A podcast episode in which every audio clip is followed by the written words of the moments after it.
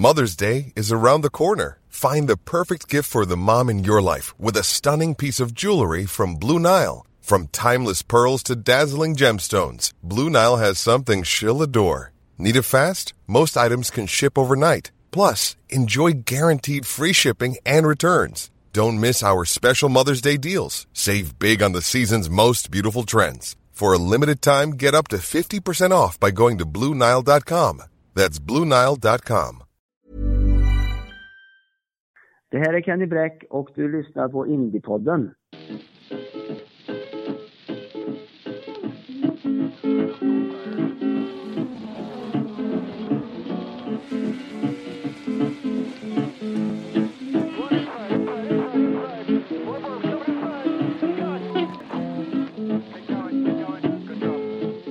I wanna know where my easy rider gone. Wanna know where my easy rider gone. You're the easy rider, but you ride not so long. Välkomna till Indiepodden avsnitt 4 och del 2 i vårt möte med Kenny Bräck. Yes!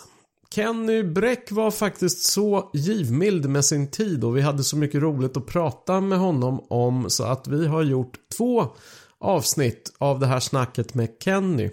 Har ni av någon anledning missat första avsnittet så finns den på indiepodden.se och på alla andra ställen där poddar finns. Missa inte första avsnittet av vårt snack med Kenny Bräck.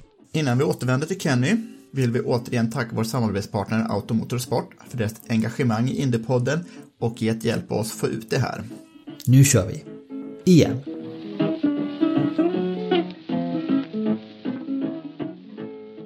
Upplevde du en stor skillnad när du gick över till, i 1998 så bytte du team till AJ Foyt Racing. Eh, och det, är liksom ett, det var ju ett, ett toppteam.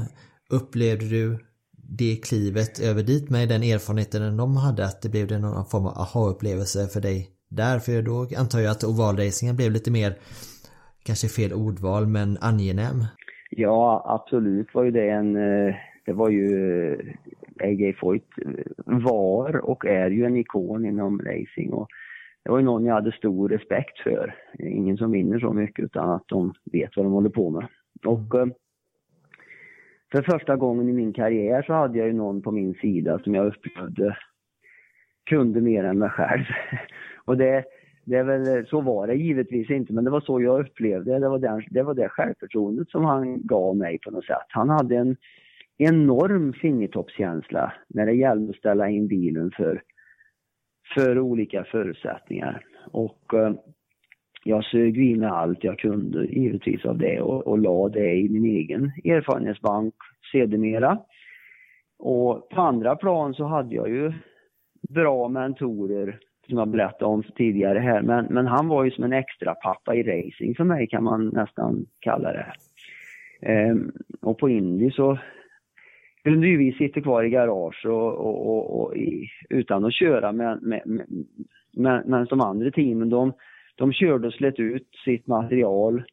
Men, men vi sa, gjorde inte det för att AJ han, han var ute och kollade lite grann på träd och han visste lite grann och blåser det åt det här hållet och trädkronan svajar så här, då är det ingen idé att köra för det här är så, det går inte att ställa in bilen i det här eh, vädret och det eh, går, går bara inte att, det är ingen idé, det är bara att ta risk. Så att han hade ju rätt i det. Det, det fanns vissa väderförhållanden som, som, som det inte var någon större idé att köra i. Och uh, han, han, han bara hade det här i sig på något sätt. Va? Och, nej, han var mycket, mycket unik, eller är unik även idag. Nu, nu är det ju givetvis så att det har blivit mycket mer kunskap om de här sakerna, mycket större möjligheter och testa och ta reda på och lära sig genom alla ja, datasystem som finns idag och möjlighet att lagra information och gå igenom information. Men på den här tiden så fanns ju inte riktigt allt det där än i den utsträckningen och då var den här mänskliga kunskapen, hantverket i botten väldigt, väldigt eh, avgörande. Och det fick jag ju eh, Ja, jag är väldigt glad över att jag fick ta del av den eran inom motorsporten. Vilka kvaliteter i dig tror du att eh, AJ fastnade mest för? Jag tror att det var den här vinna eller försvinna attityden. Jag hade ju liksom inte råd med ett varv som inte var max. Det gick inte för min bakgrund var ju, du vet, det var liksom på, allting var på spelet alltid och eh, jag tror att han, ehm, jag tror att han såg det den här första säsongen även om, även om jag inte vann mästerskap eller gjorde någon större, större väsen. Men jag ledde ju mitt första Indycar-race det året och första lopp vi ställde upp i. Och sen kraschade jag när det var 13 varv, 13 varv kvar att köra tror jag det var. Och jag tror han tänkte så här att eh, det är lättare att, att sakta ner en förare, du vet, än att få dem att köra fortare. Så att eh, när han ringde mig eh, för att förhöra sig om jag ville köra för honom då så, så ville han ju att jag skulle flyga till Vegas och diskutera eh, det här. Och, och jag sa till AJ att eh, jag, jag flyger gärna till Las Vegas men, men inte för att diskutera utan för att signera ett kontrakt i så fall. och, eh, och då sa han, då får du vänta ett par timmar, jag måste ringa min sponsor här och kolla om eh, det här, för det här vet du, vet det är stora beslut och hit och dit. Ja, ja, ja, så det är klart. Jag, jag var ju i Florida så det var ju en bit att, att flyga till Las Vegas. Så i alla fall så han, han återkom och sa att ja, du får komma hit så, så gör vi upp en deal. Så, så jag fick ju ta en sån här Red Eye, en sån här, ett nattflyg till, till, till, Las Vegas. Och när jag kom dit så kom jag ju på att fan, jag hade ju inte, jag hade ju inte frågat vart han bodde ens, vilket hotell han Håller på som fan där innan jag fann honom. Men han var en sån här typ som du vet, det var ungefär som om du kan tänka dig någon stor artist som, som landar någonstans eller president. Man behöver inte... Jag tog väl en halvtimme så hade jag fått reda på vilket hotell han bodde på. Mm. Eh, genom att fråga lite folk där. Och eh, så att eh, vi träffades där och, eh, och vi gjorde upp den här affären över, över, över en frukost. Och eh, sen så fick jag reda på senare och det var, det var lite speciellt för att den här det var, jag kände av det redan från början när vi började köra att det var en ganska frostig relation med den här, de här människorna. Och jag förstod inte riktigt varför men, eh, men sen så, sen så började vi ju vinna och då, då tinade den här relationen upp. Och då fick jag ju reda på sanningen. Då hade ju AJ ringt till den här sponsor, eh, det var en kvinna som var sponsor, VD på det här företaget och sagt att han då skulle vilja byta förare till, till året. Och hon hade menat på att nej, nej, vi vill inte byta förare för den föraren som kör våran bil här, han är så bra i, vi trivs med honom, han är bra PR-mässigt och så vidare. Och då hade ju AJ sagt att då kan du ta dina jävla pengar och sponsra något annat team. så, så att, sen hade han lagt på luren förstås och sen hade han ringt till mig och sagt att kom hit så skriver vi kontrakt så, det var ju, så han, han visste väl vad han ville från början. Men, eh, men eh, allting, allting gick bra. Allting tinade upp när vi började vinna som sagt Ja, det är klart. Har ni någon relation idag du och AJ? Har ni kontakten än idag? Ja, ja vi, har, vi har en relation idag. Faktum är att jag pratade med honom för ja, det är ett par veckor sedan nu. Han fyllde 85 år. Så jag pratade med honom lite grann och så. Så att vi har vi har relation, men det är klart, han, han bor ju i Houston och jag bor ju i London, så det är klart att inte det är dagligen så, men eh, tre, fyra gånger om året träffas vi, och så på Indy givetvis varje år. Så. Mm. Och du vann ju mycket riktigt hela mästerskapet det året. Det var ju bara ovalracing i, i Indycar-serien som jag körde då, så att eh, men jag kom ju in i stallet som som, som delad nummer ett-förare. Det var ju två förare, men i praktiken ja. så var ju jag nummer två därför att det fanns lite intern politik i teamet som jag, jag är inte säker på att AJ visste om det, men eh, vändpunkten i alla fall i säsongen, Eh, den kom ju i Texas eh, någonstans i en tredjedel in eller hälften in när jag ledde med några varv kvar att köra, men så blev jag omblåst. Eh, av min teamkamrat och en annan konkurrent i sista omstarten och, och blev trea. Och, och jag var ju ursinnig för det här för att eh, jag visste ju att, ja, jag tyckte inte att jag hade bil som gick fort nog helt enkelt. Och, och AJ han tyckte ju att jag skulle väl för fan vara glad för en tredje plats. Det var ju inte dåligt menar han på. Mm. Så vi rök ihop i trailern och jag, jag sa till honom att det, var, det här racet, det, var, det skulle jag ha vunnit men motorn var inte, var inte konkurrenskraftig. Och, och det är klart att då tyckte ju han att jag var en otacksam jävel så, och i princip kunde packa ihop mina grejer och dra åt helvete. Och sen, det var ju speciellt. Men, men sen dagen efter så ringde han och så eh, frågade han om jag kunde komma ner till team och då, då hade han ju kollat igenom bilen och, eh, direkt och funnit då att eh, inte öppnade fullt. Så att han fattade att jag hade rätt om man säger så i min känsla i alla fall. Mm. Eh, och eh, där hände nog, det, det, det, hände något i vår personliga relation där som var väldigt positivt för att AJ var ju en, en väldigt, han hade väldigt stark personlighet och det var inte många som vågade säga, säga och tycka, tycka något till honom vad de egentligen tyckte utan de flesta höll med eller sa ingenting. Och, och jag var ju lite annorlunda i det här fallet. Eh, och eh, jag tror att det bidrog till någon slags ännu större respekt och eh, sen den dagen vart ju vi oslagbara där med, med, med, med, med det året. Eh, vi, vi vann ju, så vi vann tre race i rad och äh, mästerskapet och hela konkarongen så det var ju en väldigt eh, framgångsrik, ett framgångsrikt samarbete men det kom inte utan utan bumps in the road om man säger så. För du var ju även kvar, du var ju kvar hos AJ eh, 99 då. då. Då blev du ju tvåa i serien det året men du plockade ju samtidigt din största raceseger i karriären, Indy 500 det året. Den historien har vi ju hört återberättas eh, åtskilliga gånger. Eh, men jag förstod det som att snacket, på snacket mellan dig och AJ innan så hade ni segervittring. Eh, stämmer det? Att ni kände, hade det på känn? Ja, ja alltså det hade vi ju. Vi, hade ju, vi ledde ju Indy 500 redan 98, första året vi körde mm. ihop. Men vi bommade ju för att eh, vi, hade, vi hade ju, ja, vi hade ett dataprogram som, som, som räknade fel åt oss på bränsleförbrukningen så vi fick ju soppatorsk i ledningen så vi torskade ju på det och blev sexa istället tror jag i slutändan. Och, så att äh, vi hade, att vi hade en bil som gick fort på Indy, det visste vi ju. Men sen var det frågan om att få ihop... Indy är ett otroligt svårt race att vinna, du vet. För det är så mycket som, som, ska, vara, som ska funka. Eh, så att vi hade ju... jag hade ju... Serien vann vi 98 och mål var ju att vinna Indy. Jag vet ju när vi fick bilen, eh, den nya då på, i, på hösten, typ i november, då jag samlade allihop i teamet runt bilen och sa att den här bilen, det var bara en, en, en, en, en bar kolfiber, ett bart kolfiberchassi. Det var inga, inga hjulpengar, ingen motor, ingen växel. Det var bara en, en, en, en sittbrunn.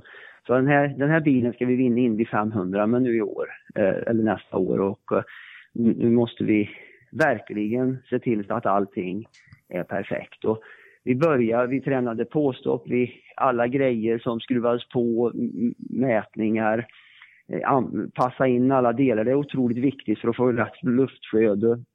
Allting var ju väldigt noga förberett och själv så var jag uppe på Indianapolis och eh, ja, gick runt banan, kröp runt banan, visste varenda gupp i banan och varenda brunnslock i gräset utanför banan. Ifall, ibland måste man ju lägga ett, en halv bil utanför banan när det blir trångt och man kanske måste komma förbi och köra om eller något sånt där. Va? Mm. Jag, jag, hade så en jävla koll på alltihopa.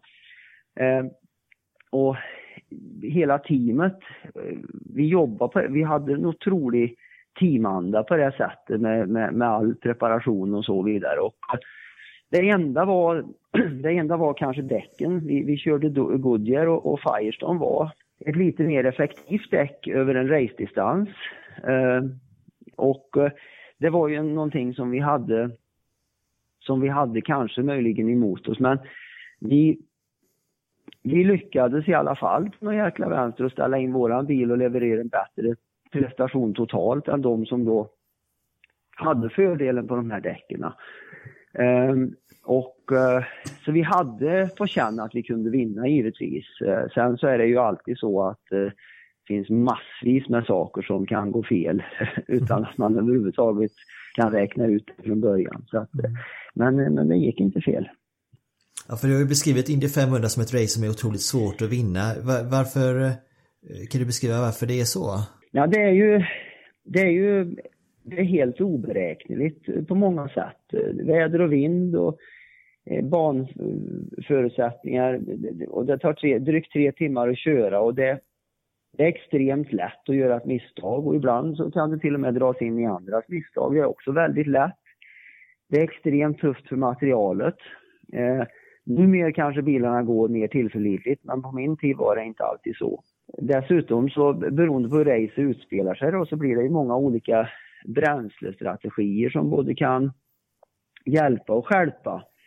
Så att eh, det finns en rad olika saker som man inte riktigt kan ha koll på innan start. Och som sagt, du sa att det, det är ett långt race och så, men om vi går tillbaka till den, de här sista varven. Eh, eh 99 där. Så med, med, fem varv kvar så var du två sekunder snabbare per varv eh, än ledaren Robbie Gordon. Eh, som var tvungen att köra och spara bränsle så. Kan minns du, kan du ta oss tillbaka lite till hur tankarna gick innanför hjälmen under de där sista varven när du började inse att det här, kan ju, det här går ju vägen nu? Ja, alltså som jag sa på det vet man aldrig att det går vägen för den eh, du vet eh, faller. För att eh, det är så mycket grejer, stress på bilar och allt möjligt. Men, men Robbie han satsar ju på en alternativ bränslestrategi en gulflagg som, som då skulle bli sista depåstoppet eh, för de flesta tätbilarna. Och då, då låg han kvar på banan då medan vi andra, jag låg väl i ledningen då om jag minns rätt, vi gick i depå för att, för att fylla på bränsle. Mm. Och eh, det här var ju på gränsen till att man skulle klara sig i mål i alla fall, för det var inte det, man kunde, jag kunde inte köra full, full, fullt blås hela vägen för då skulle även min bränsle ta slut. Men då fick man spara bränsle under, under några varv så att man så att säga kunde skruva upp bränsle, eh, bränsleinsprutningen till max eh, de sista varven. Så att jag tror på den tiden att vi tog oss 30 varv på en tank eh, om vi körde med, med full bränsleförbrukning. Men jag tror att det här stoppet eh, kom eh, mm, 37 varv innan målgång. Så att det, det räckte liksom inte eh, att, att göra utan då fick man spara in bränslemängd, bränsle, eh, bränsle eh, åtgången lite grann. Och eh, Robbie han, eh, han eh, hade ju stoppat ännu tidigare än oss. Han, han hade ju ännu mindre bränsle. Så att, mm. Men när, när, den här omstarten gick då i alla fall så satt ju han av som en stucken gris där medan jag var tvungen då att spara bränsle ett antal varv för att kunna ta mig till mål. Va? Mm. Eh, och eh, eh, hade det kommit mer gulflaggor eh, så hade ju givetvis det här varit en riktigt bra strategi för Robbie Gordon för då drar ju bilarna ingen bränsle knappt alls och du ligger kvar i position på banan som du ligger, du får inte köra om och så. Men, men, men, men det kom ju ingen gul flagg. Eh, det var ingen som kraschade och så vidare utan eh, när jag fick sen klartecken att köra fullt och så, så körde jag ju rätt snabbt ikapp honom och för, för då hade jag ju alla förutsättningar och han var ju tvärtom. I, han var ju tvungen att puttra runt och bara försöka att ha bränsle kvar i mål. Och han, han, jag var ju rätt snabbt i hans växellåda och, och redo att köra om då. Och sen när han eh, blev tvungen att gå ut, gå ut depå med ett varv kvar så, så blev det ju, då tog jag över den platsen jag hade innan det här sista depåstoppet och, eh, och vann race. Och jag tror Robbie, jag tror han vart fyra eller något sånt här och det var ju det var ju den placeringen han hade eh, vid sista depåstoppet så att eh, han förlorade ju inget heller. Han, det, var ju, det, det, det utspelade sig tillbaka på det sättet det skulle kan man säga eh, ur min synpunkt sett i alla fall. Mm. jag, jag har ju lyssnat på det, jag har ju tittat på det klippet massa gånger just de här sista varven och jag har jag, jag var lite nyfiken på det, den här Alltså radiotrafiken som gick mellan dig och din... Eh, ja, det var AJ som var min uh, main contact. Men du vet på Indy så har man också, banan är så stor. Um, och uh, då har man någonting som man kallar för spotters. Ah. Det är alltså folk som står högt upp på någon byggnad och tittar på banan och håller koll på vart du är om de jobbar med dig och så tittar de om du har någon i växellådan och som kastar sig in på insidan i någon sväng och så vidare. Och det här är ett amerikanskt fenomen det här med spotters.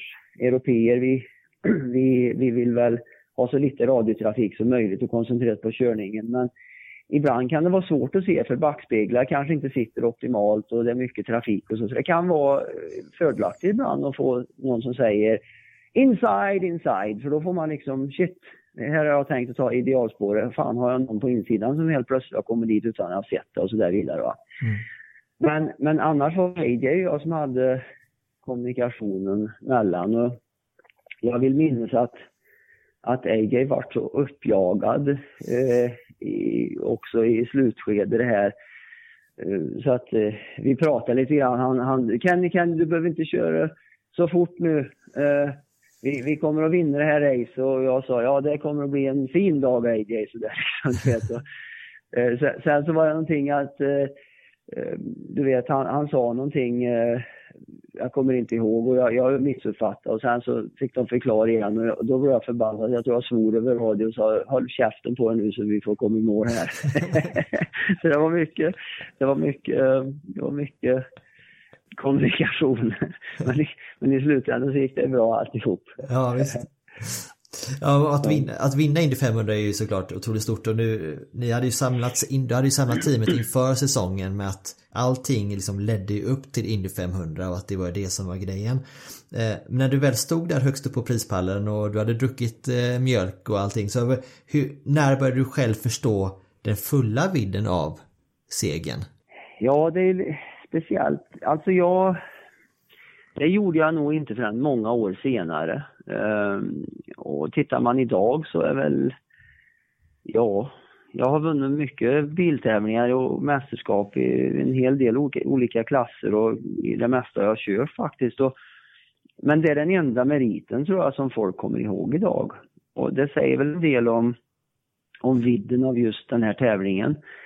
Um, och det var väl lite grann som, som AJ sa en gång, han sa så här att You ain't nothing if you haven't won the Indy 500, sa han till mig.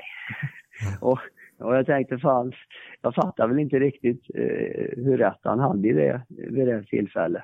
Så det, det, det tog ett bra tag innan jag insåg det. Den saken är klar. Sen året därpå då så gick du över från, det var ju två serier på den tiden. Det var IRL, IRL och så var det kartserien och det var ju det var lite speciellt på den tiden för de här två kannibaliserade ju lite på varandra.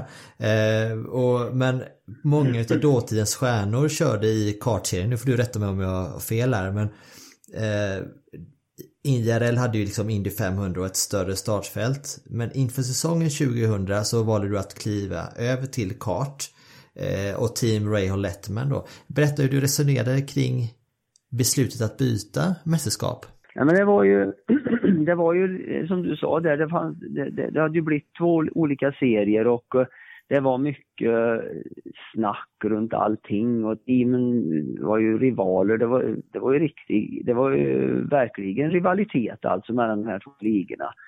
Det var fans, det var journalister som hade tagit sidor och tyckte att förarna där är bättre och bilarna där är bättre och Indy 500 är bättre och Michigan 500 är bättre och det var, det var liksom otroligt polariserat alltihop det här. Ehm, och eh, jag ville ju tävla och vinna, försöka vinna i alla fall mot allt. Och det var ju mitt sätt att mäta mig själv. Och, eh, nu var det ju som det var och eh, det, det var ju, jag, jag, kände ju bara att jag var tvungen att köra den andra serien också för att visa att jag kan visa mig själv och, och motorsportvärlden också att jag, jag kan köra vad fan som helst, det spelar ingen roll, jag kan vinna vad som helst. Mm. Eh, men samtidigt var det inte lätt att skiljas från AJ. Eh, han var ju som jag sa lite grann som en racingpappa för mig och jag visste ju att vi aldrig mer skulle jobba ihop på riktigt. Eh, och det visste ju han också. Och vi var jag har aldrig varit tårögd förut när jag eh, har pratat med en stallchef, men vi var där båda två faktiskt den gången. Och jag satte mig ner och berättade då att jag hade bestämt mig för att anta en annan utmaning till året efter.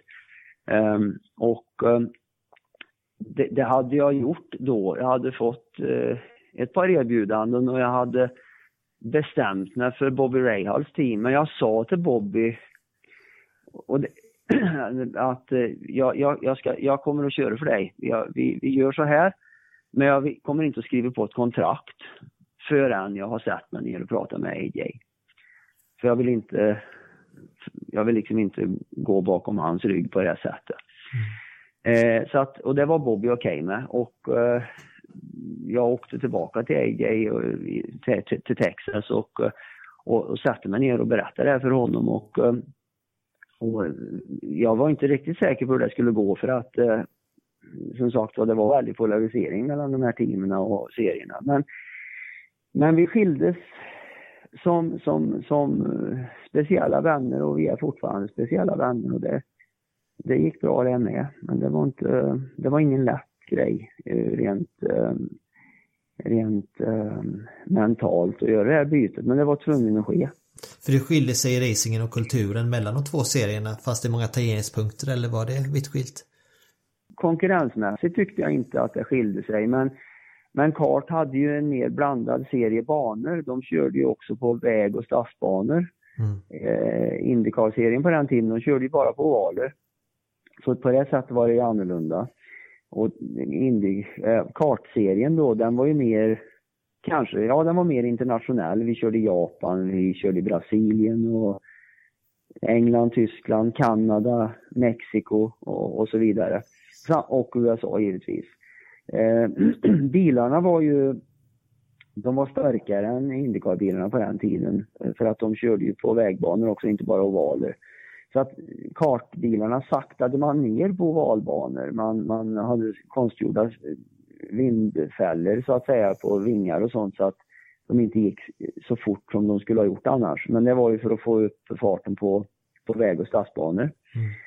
Så att de, de hade över tusen hästkrafter på den här tiden och de var, var väl kanske mer, ja de var mer tekniskt avancerade än, än, än eh, Indycar-bilarna, eh, växellådor och sådana här saker. Eh, men jag skulle säga att just ovalbanorna som gick att jämföra så, så var det nog jämnare och högre konkurrens i Indycar-serien faktiskt. Mm. Eh, och det var ju allt man fokuserade på i den serien. Så det kanske möjligen är normalt också. Men eh, ungefär så skulle jag beskriva det. Och det gick ju bra från, från start där också. Det blev ju årets rookie 2000 och 2001 slutade du ju tvåa. Med, du hade flest segrar och flest pole position av alla. Var det roligt att ta det klivet över till att även köra mer varierat med vägbanor och road, road courses, street courses? Ja, alltså jag vet inte om man ska jag vet inte hur jag ska säga lite grann. Det är ju, ja, jag, jag, tyckte väl att eh, det var mer varierat, absolut. Eh, men, men racing är ju racing. Den vägbana eller stadsbana eller oval så absolut skiljer det sig på många sätt. Eh, så man, man måste ju liksom anpassa sig som förare till det, hur man, hur man, jag menar vägbana så kan man ju börja och köra lite över gränsen och så drar man tillbaka det till rätt gräns. Det är det snabbaste sättet tycker jag att komma upp i fart. Man börjar att träna och så. Den strategin kan man inte riktigt ha på ovalracing för då smäller man ju muren utan där får man liksom börja från andra håll och börja lite bakom mm eh, gränsen och så får man bygga upp till, bygga sig upp till den och samtidigt som man får med sig bilinställningar och sånt där. Mm. Eh, men annars så var det väl inte så stor skillnad tyckte jag. Utan det var ju bara business as usual, men det var ju ett annat, det var en annan, eh, andra team, det var andra förare och eh, an, ja, andra konkurrenter och man var, man var tvungen att så att säga försöka och, och ta tag i dem. Eh, men jag tyckte att det gick bra. Jag hade ju chans att vinna mästerskapet redan första året. Jag blev fyra för jag tror faktiskt motorn gick sönder på, på Fontana. Mm. Så att ehm, det var, ehm, jag var konkurrenskraftig från början. 2001 tror jag vi hade, jag tror vi ledde mest varv. Jag tror vi tog flest segrar och flest pole positions av allihopa. Men sen så hade jag ju för mycket tekniska fel och även hade ju, det var ganska mycket konkurrens inom teamet i Team Rahal. Mm. Um, och uh, det, det resulterade i att uh, jag släng, ja, ett par racevinster slängdes bort och poäng ifrån dem på grund av att uh, vi, vi körde ihop med varandra, jag och min teamkamrat. Det var ju inte det, var inte det bästa. Men, ja, det var du och Max Pappis va? Ja, exakt. Ja, precis. Så att det var ju eh, speciellt. Men, men som sagt då, det var ingen tvekan om att det fanns eh, fart och, och att, det, att det funkar. Året efter så valde du att byta team till Chip Ganassi och det var ju, förstår ju som att för, alltså förhoppningen och tanken och förutsättningarna var ju eh, på topp för de var ju ett toppstall redan, redan på den tiden. Ändå så blev det lite av en det blev en mellansäsong och det blev bara en säsong i Chip Ganassi men eh, I den här dokumentären, SVT-dokumentären om dig, så sa Chip eh, att, att du den säsongen tillförde något till teamet som de inte hade haft förut. Eh, kan du berätta om ur, det, ur, ur ditt perspektiv? Ja, alltså det blev inte riktigt som jag hade räknat med eh, faktiskt. Eh, du har rätt i att Ganassi var ett toppteam redan då, men de hade, de hade av någon anledning eh, året före satt två rookies i, i bilarna och det, det, det, det, får ju konsekvenser därför att du får inte rätt eh, ledning från förarna, inte tekniska team och så vidare. Och eh, sen så när jag hade skrivit på så, så, så utökade teamet med två bilar till. De, de, de, de körde en fulltime Indycar-bil, alltså i den serien jag körde då när jag vann Indy. Mm. Och sen så tillsatte de en bil även i kartserien för, för en ung kille som heter Scott Dixon på den tiden. Han kör fortfarande för stallet nu och han är Ja, han är seriens framgångsrikaste förare. Han har vunnit jättemånga tävlingar och mästerskap och så vidare. Men då blev kontentan att vi fick dras med stora personaländringar för att kunna klara en dubbel uppsättning bilar.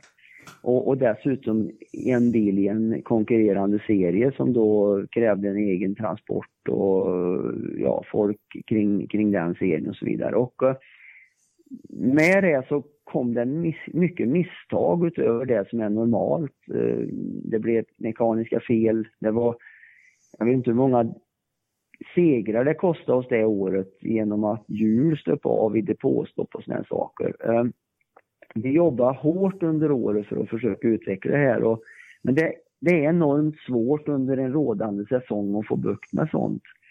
Ehm, så att vi, vi höll mycket på med personalstrukturer och eh, ja, försöka få ihop allt så att det skulle flyta och så vidare. Mm.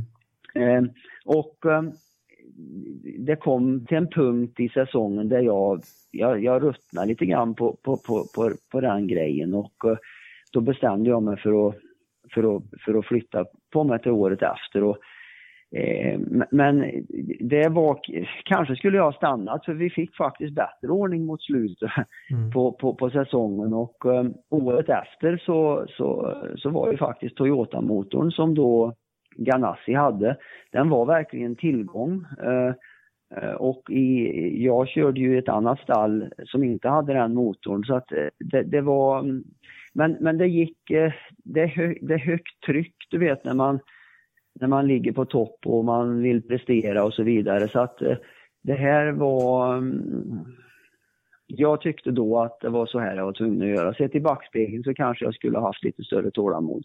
Men eh, vi hade en bra relation i, i teamet med både Chip Ganassi och Mike Hall som var operationsledande chef och han är fortfarande chef där och vi eh, de har ju eh, som sagt var Scott Dixon har ju kört den sen den tiden med stallet så att eh, de är ju ett eh, toppstall mm. nu som då.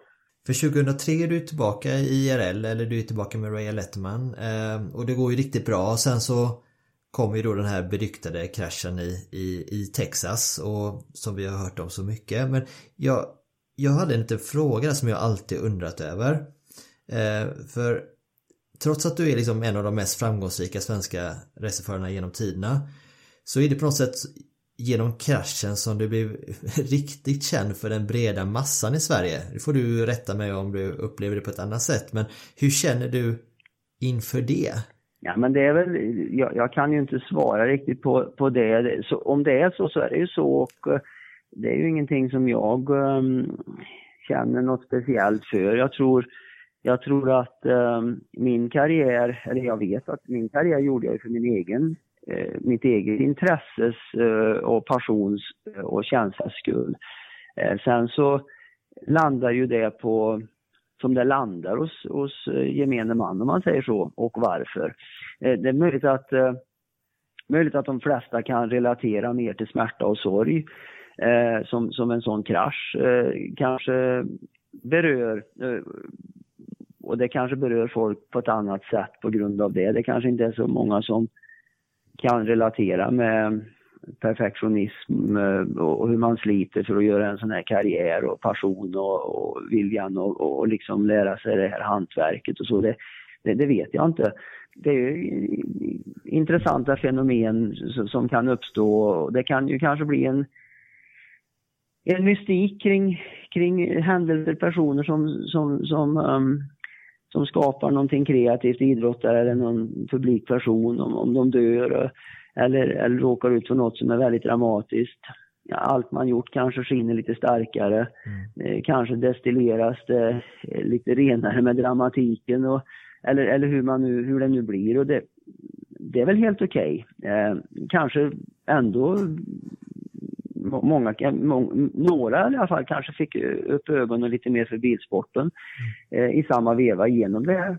Så, så vem vet. Men eh, det är ingenting som jag riktigt eh, har någon speciell känsla för. Mm.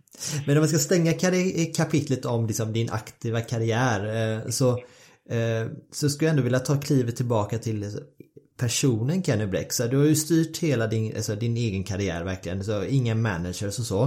Eh, och när man pratar med folk runt dig och, så sett, och sett din framfart i karriären så återkommer de ständigt till, liksom till, till din talang för utöver då din din råtalang som förare men även din talang för att finansiera din racing och att, från att liksom byta till chipspåsar och sälja vidare till att eh, jobba med reklamtid i TV4 och så, och så här. Hur, hur har du själv sett på den aspekten av racingen och har den gjort dig till en, till en bättre förare rent av? Ja, jag, jag vet nog inte det ärliga svaret på det, du vet. Jag var ju, jag var ju pank och hade inget annat alternativ än att vara liksom uppfinningsrik och ehm, Eh, sen hade jag ju, även om inte jag hade, jag hade ju inga människor som du säger och så, jag har ju styrt lite grann själv men jag hade ju, eh, jag hade ju folk givetvis som hjälpte mig, mentorer och sånt, eh, Nils-Arne Johansson och många andra också för den delen på vägen, Volvo Renault och eh, även idag har jag mentorer som kan mer än mig eh, om olika saker och det är ju det är ju ynnest om man kan ha det därför att man lär sig ju mycket. Livet blir ju ett universitet på det sättet. Mm. Men, men, eh, men för att återgå till den här frågan som du har. Eh, å ena sidan så hade jag ju fått spendera all den tid eh, som allt det här runt omkring eh, eh tog då. Eh, och, och, och eh, istället för att eh, förädla min körkunskap så så det är klart att hade jag sluppit det så kanske jag hade tagit mig fram, inte vet jag, 8-10 år fortare. Jag kanske hade sluppit mycket oro och ångest eh, kring det här ekonomiska i början, jobba dygnet runt, var skyldig pengar från en säsong till nästa och så vidare. Det, det, det är ju så, men det finns ju en annan aspekt också, en annan sida som är att eh, om något är tillgängligt för lätt så kanske man inte sätter lika stort värde. Eh, man kanske inte kan fokusera, eh, destillera ner sitt, sin passion så, så till, till, den, till, till, den nivån som krävs. Så, så det är möjligt att det skärpte mitt fokus. Ehm, eh, speciellt när jag väl lyckades balansera om tiden så att jag kunde fokusera på körningen och, och ha konkurrenskraftigt val eh, förlåt mig, kon konkurrenskraftigt material.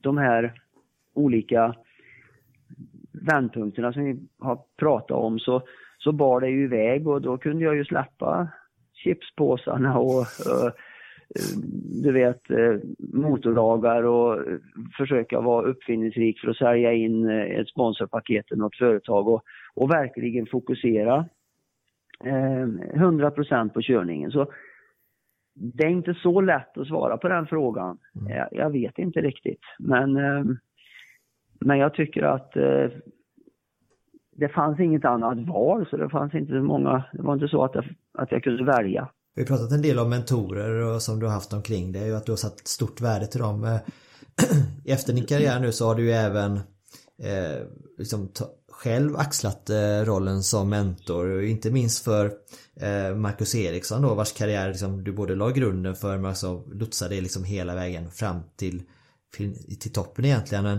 finns det något i insikterna du har fått till dig genom åren som du själv har haft ambitionen att föra vidare i ditt eget eh, mentorskap? Ja, är det något jag brukar säga till yngre talanger om, om man får frågor och så vidare och, kring kring hur man kan tänka och så, så, så är det väl att eh, det är att köra i stall som kan vinna. Eh, även om det innebär i en lite lägre kategori än du har tänkt dig då, typ kanske på grund av ekonomi eller något sådär. Mm. Och, eh, jag försökte ju köra det jag inte hade råd och då blir det avkall på material och så där vidare. Så det är min lärdom från det. Och, det andra är väl att man måste fokusera 100% på att lära sig hantverket. Du vet, eh, man måste försöka att använda sin tid till att ja, köra, köra, köra framåt, baklänges, sidledes, upp och ner, hopp, is, snö, grus, sand, asfalt.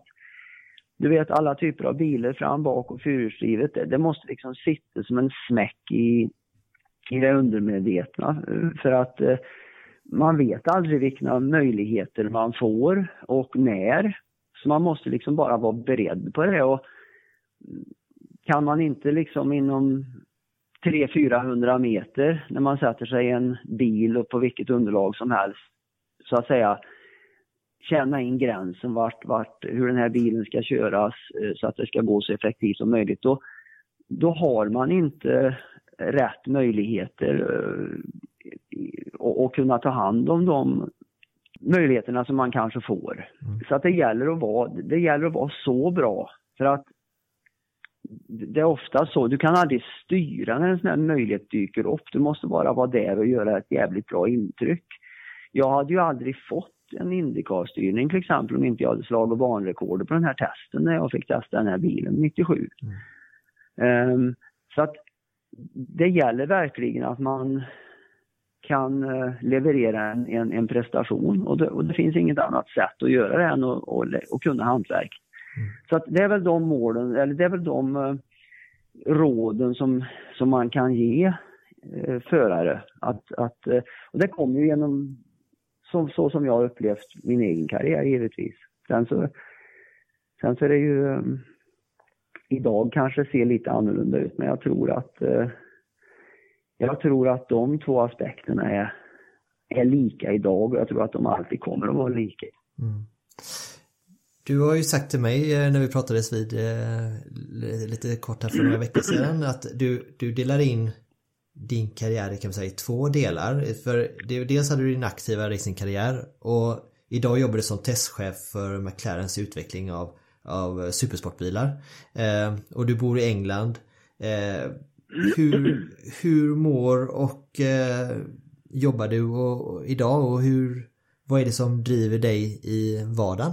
Ja, alltså man kommer ju till en punkt i en sportslig karriär där man måste liksom bestämma sig för att hänga upp hjälmen på hyllan. Och, eh, sen kan man givetvis fortsätta att köra lite grann och få kul och man får ju inbjudningar till olika saker och det, det går ju att göra så jag har aldrig riktigt varit intresserad av den delen. Jag, jag kör någon tävling ibland sådär men det finns ingenting som håller mig kvar i sporten. Jag är klar med den delen om man säger så. Och, eh, eh, idag så jobbar jag på, på den andra sidan av bilindustrin och, och, och, för det får man väl ändå kalla att racing racingen hör väl till bilindustrin på ett sätt.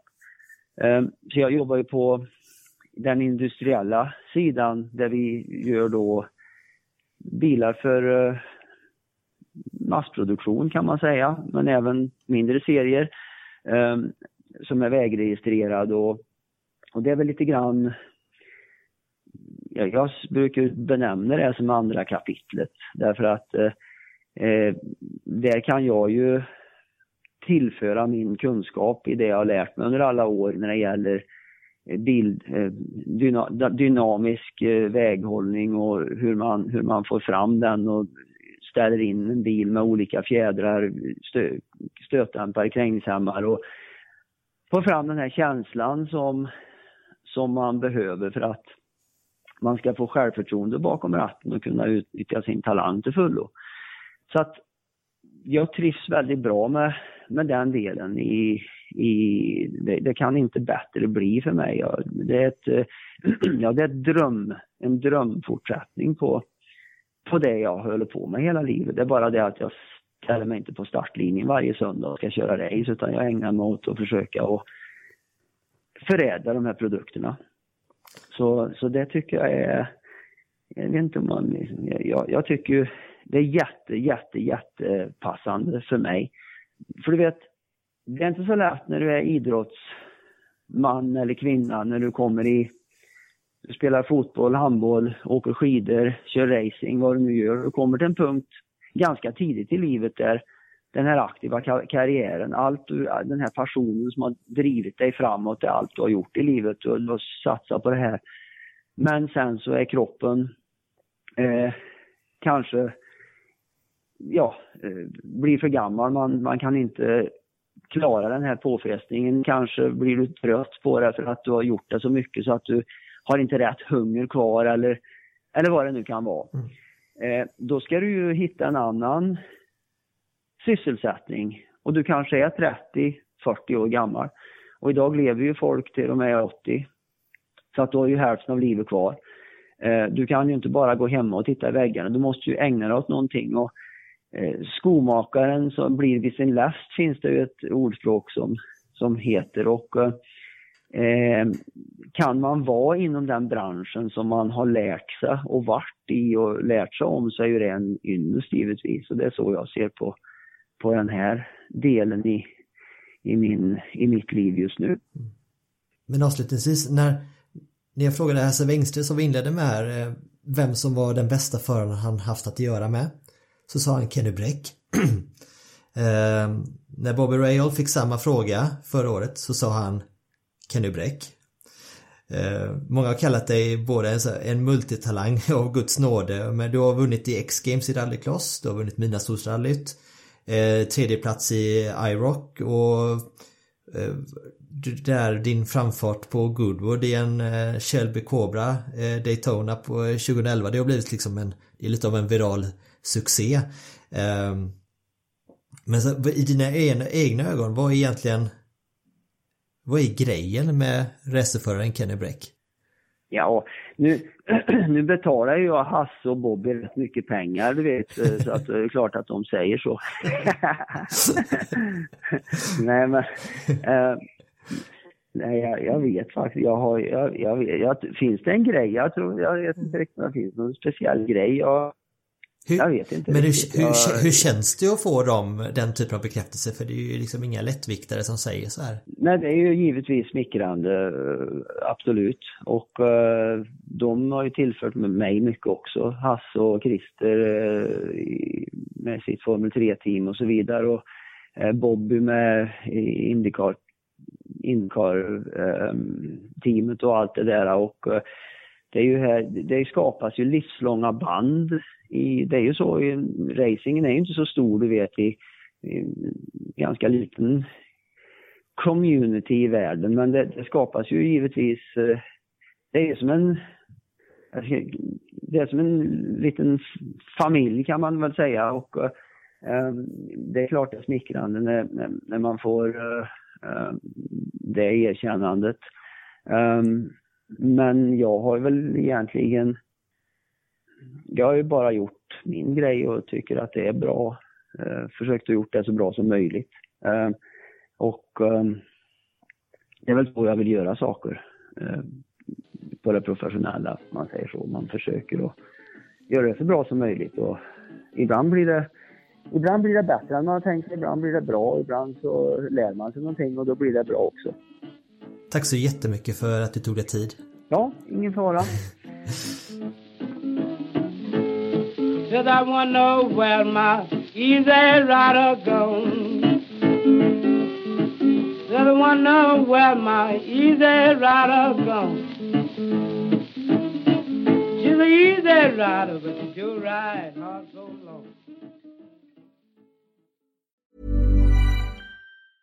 Cool fact a crocodile can't stick out its tongue. Also, you can get health insurance for a month or just under a year in some states. United Healthcare short term insurance plans, underwritten by Golden Rule Insurance Company, offer flexible, budget friendly coverage for you. Learn more at uh1.com.